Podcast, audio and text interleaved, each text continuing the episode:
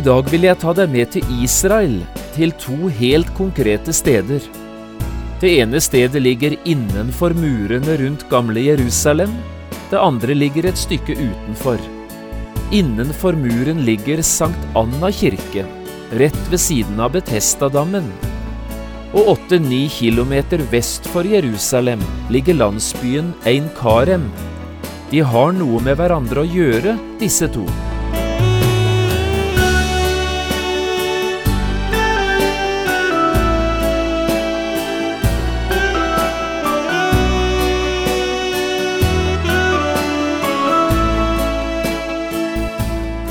Hjertelig velkommen til et nytt program i serien Vindu mot livet.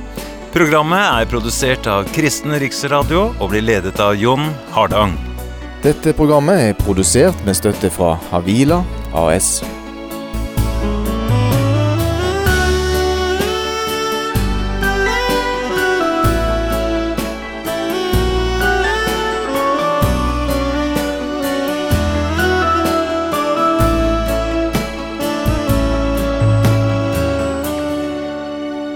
Bibelavsnittet vi nå skal lese sammen, er hentet fra det første kapittelet i Lukas evangeliet. Mye av dette kapittelet, som er ganske langt, går med til å fortelle om døperen Johannes og det som skjedde rundt hans fødsel.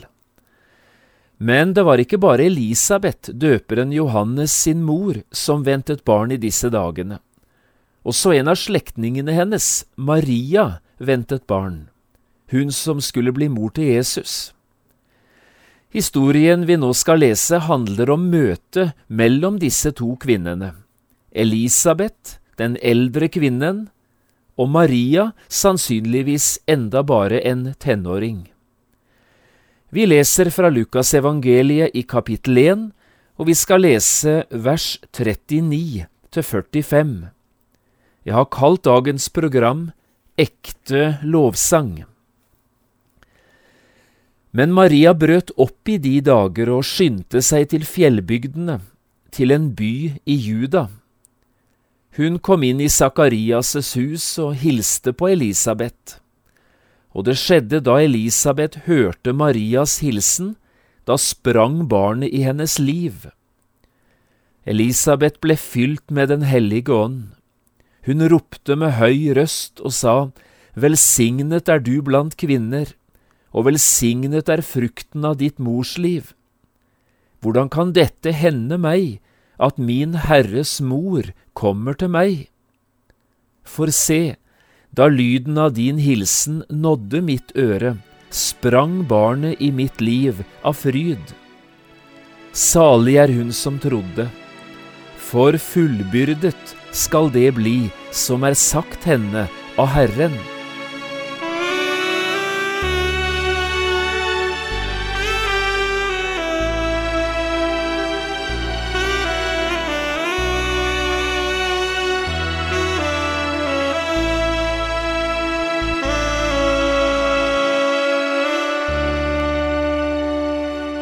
Jeg har lyst til å starte dagens program med å ta deg med en liten tur til Israel, nærmere bestemt til to konkrete steder.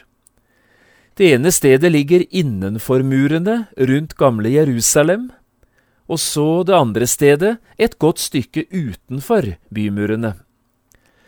La oss starte på utsiden av Jerusalem. Cirka åtte kilometer vest for byen ligger en liten, sjarmerende landsby som bærer navnet Ein Karem. Denne byen ligger nede i en dal, omgitt av noen høyder og litt fjell. Dette er ifølge tradisjonen døperen Johannes sin fødeby, altså det stedet hvor presten Sakarias og kona hans Elisabeth var bosatt, og dermed altså også stedet som Maria reiste til, ikke lenge etter at hun hadde hatt englebesøk der hun fikk oppdraget hun skulle bli mor til Guds sønn. I det bibelavsnittet vi har foran oss nå i dag, er dette beskrevet med disse ordene. Maria brøt opp i de dager og skyndte seg til fjellbygdene, til en by i Juda. Slik leser vi det i vers 39. Og den byen det her er tale om, det er altså den byen som i dag bærer navnet Ein Karem. Sentrum i denne vesle byen er en vannkilde. Mariakilden, eller Vingårdskilden, kalles den. Og ellers er byen kjent for to spesielle kirker, som begge to har tilknytning til dagens bibelavsnitt. Den ene er Church of Visitation, eller Besøkskirken. Den er etter tradisjonen reist på stedet der Elisabeth og Sakarias bodde, og altså stedet som Maria kom til da hun skulle besøke slektningen sin Elisabeth. Den andre kirken heter Church of John, eller Johanneskirken. Den er bygd på stedet hvor tradisjonen forteller at døperen Johannes skal være født. Presten Sakarias var en velstående mann. Han hadde to hus i dette området. Slik forteller iallfall tradisjonen det. Ett hus lå sentralt inne i landsbyen, og det var der døperen Johannes ble født. Det andre huset lå i mer landlige omgivelser, i utkanten av byen, og dette var stedet Maria kom til da hun skulle besøke Elisabeth. Ein Karem er i dag et trivelig og fint sted å besøke for den som reiser til Israel. Det ligger passelig landlig og rolig til. I den britiske mandattiden, fra 1917 til 1948, var forresten både Hadassah-sykehuset og universitetet i Jerusalem flyttet hit på grunn av den store konflikten det da var mellom jøder og arabere.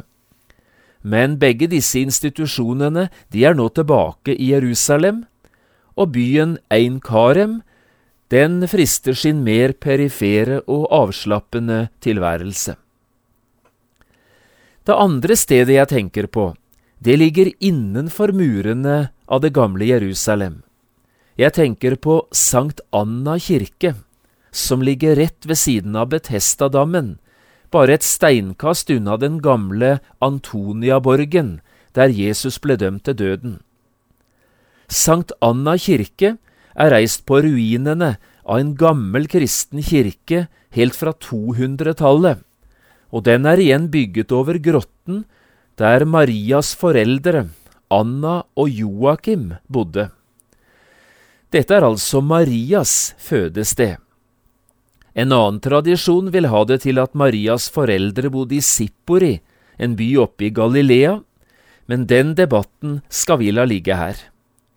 Sankt Anna kirke, slik vi møter den i dag, er bygget på 1100-tallet og er den best bevarte kirken fra korsfarertiden, i hele Israel. Noe av det helt spesielle ved denne enkle, fine kirken, det er den utrolige akustikken vi finner der. Ole Kristian Kvarme, biskopen i Oslo, har selv bodd i Israel gjennom en del år. Han skriver litt i boka si Gjennom det gode landet, nettopp om det å få synge i denne kirken.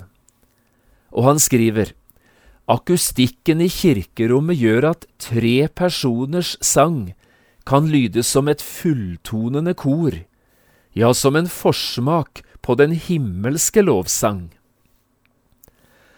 Også denne kirken er verdt et besøk neste gang du besøker det hellige landet. Og får du lytte til sang i denne kirken, eller kanskje også selv få være med og synge der, ja, så vil du få en opplevelse som du knapt kommer til å glemme. Her har du altså de to stedene i Israel som jeg tenker på i dag, i møte med bibelteksten vi har lest sammen. Ein Karem, byen der døperen Johannes sine foreldre bodde, og stedet der Maria besøkte Elisabeth. Dette var stedet der den aldrende Elisabeth brøt ut i lovsangen til Guds ære slik vi nå leste det. Og det andre var Sankt Anna kirke, bygget over stedet der Maria selv var født, stedet der lovsangen til Guds ære den dag i dag lyder på den mest fantastiske og fascinerende måten. Det er altså et møtested vi får beskrevet i det vi her har lest fra Lukas 1, om møtet mellom to av Bibelens mest strålende og privilegerte kvinner. Jeg tenker på Maria og Elisabeth. Disse to skulle bli mødre til historiens to aller største menn. Jesus, han som kalles Guds sønn og verdens frelser, og så Johannes, om han det ble sagt, noen større enn døperen Johannes er ikke oppreist blant dem som er født av kvinner. Lukas gir oss en beskrivelse av møtet mellom disse to kvinnene, og han ordlegger seg altså på denne måten. Men Maria brøt opp i de dager og skyndte seg til fjellbygdene, til en by i Juda. Hun kom inn i Sakarias' hus og hilste på Elisabeth. Og det skjedde da Elisabeth hørte Marias hilsen. Da sprang barnet i hennes liv. Elisabeth ble fylt med Den hellige ånd.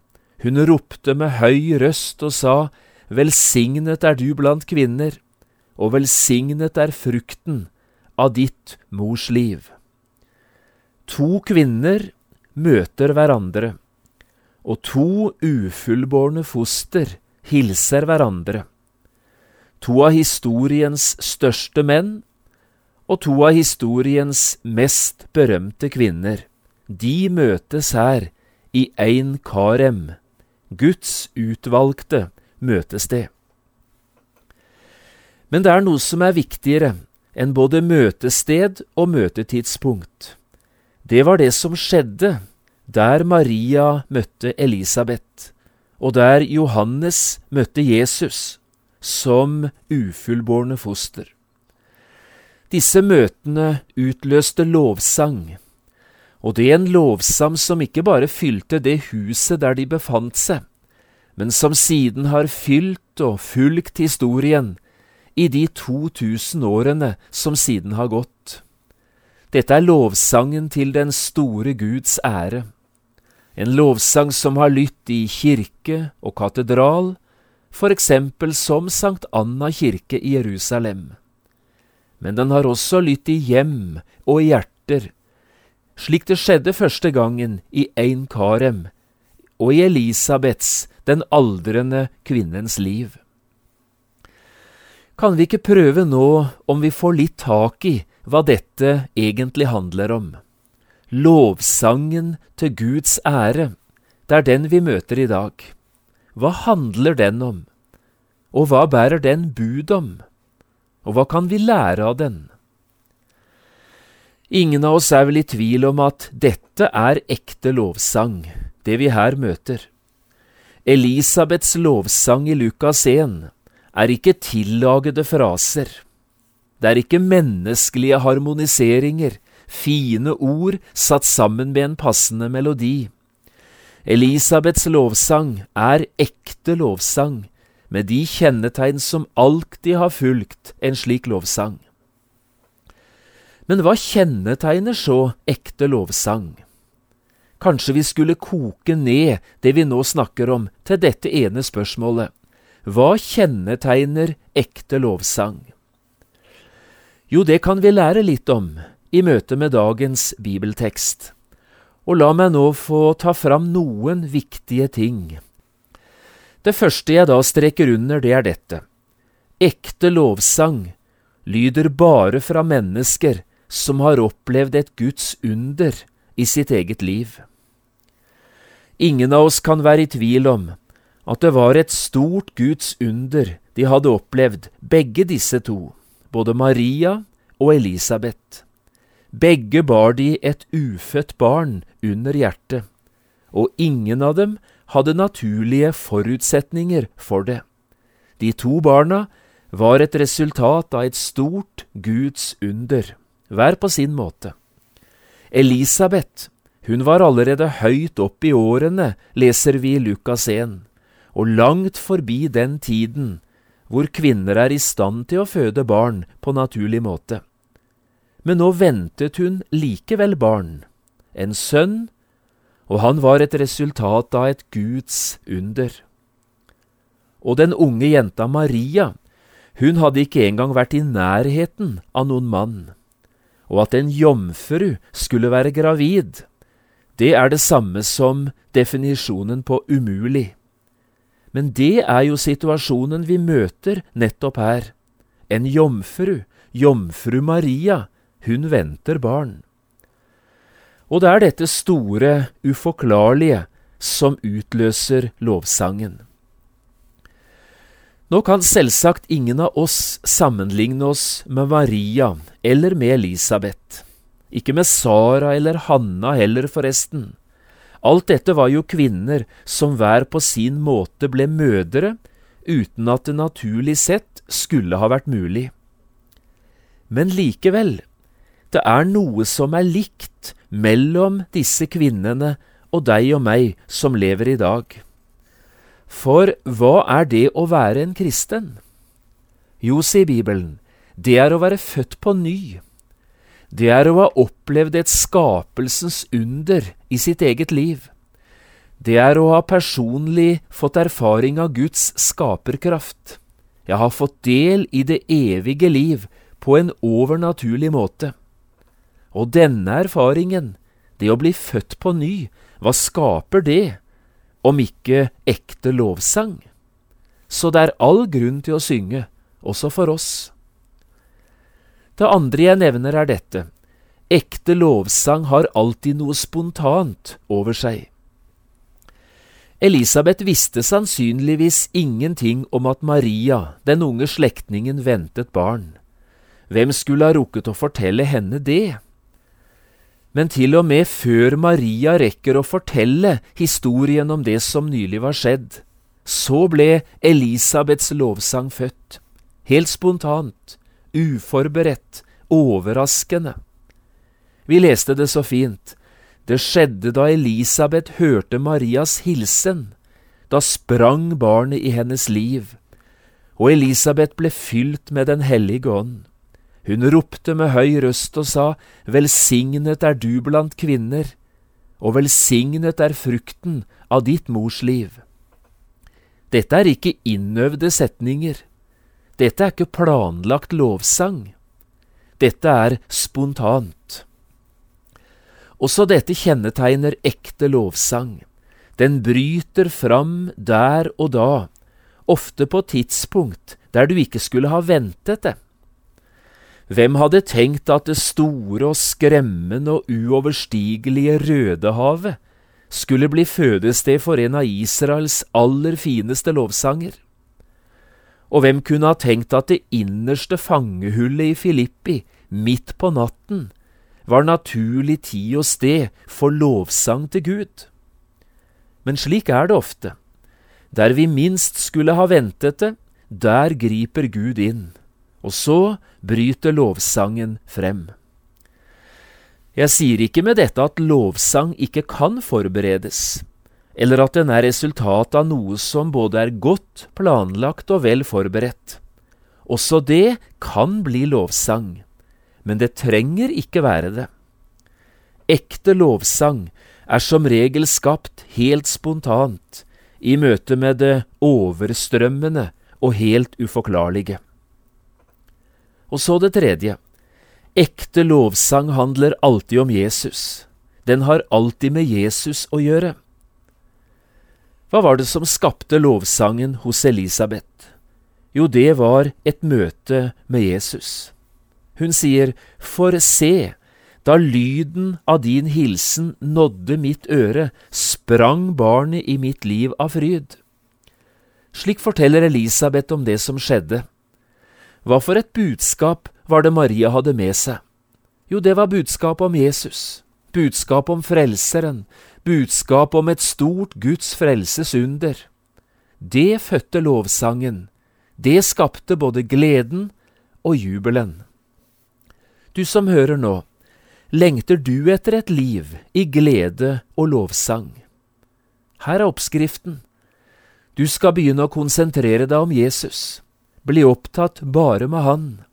La sinn og tanke, hode og hjerte få anledning til å konsentrere seg om Jesus, hvem han er og hva han har gjort. Da vil det ikke være til å unngå. Før eller siden kommer lovsangen til å strømme fram. Det var Den hellige ånd som fylte Elisabeth, slik leste vi det her, og som skapte den nye sangen i hennes liv. Den hellige ånd er alltid interessert i at vi skal bli opptatt med Jesus. Han får først virkelig frie hender i et menneskeliv når ordet om Jesus får god plass. Han skal herliggjøre meg, sa Jesus om Den hellige ånd, han skal ta av mitt og forkynne for dere. Og slikt blir det lovsanga, når Den hellige ånd får kaste lys over Jesus, hans person og hans frelsergjerning. Hvordan står det til med ditt forhold til Jesus, du som hører dette? Står han sentralt i livet ditt, eller er han skjøvet helt ut i periferien? Ja, for du synes vel ikke det er rart at lovsangen er blitt borte fra hjertet, hvis Jesus har fått altfor liten plass i livet? Og så det fjerde og siste. Ekte lovsang finner klangbunn. Den får respons hos andre som er like glad i Jesus som det du selv er. Det møter vi så fint i forholdet mellom Elisabeth og Maria. Salig er hun som trodde, synger Elisabeth, for fullbyrdet skal det bli som er sagt henne av Herren. Slik jubler Elisabeth ut i avslutningen av sin lovsang. Og hva skjer? Jo, Elisabeth sin lovsang finner klangbunn i Marias hjerte, og helt spontant bryter så Maria ut i sin lovsang, med samme foranledning og samme tema. Min sjel opphøyer Herren, sier hun, og min ånd fryder seg i Gud, min frelser.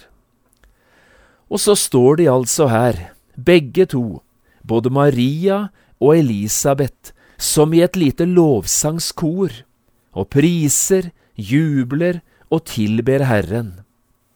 Snakk om å få respons på lovsangen. Snakk om å finne klangbunn.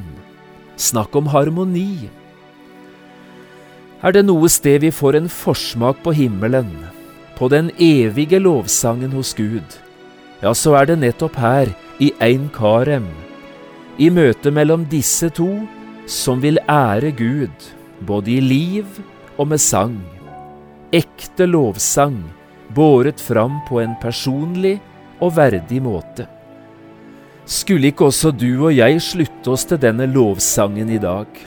Ja, for vi har vel ikke mindre grunn til å prise Gud, vi, enn det de hadde.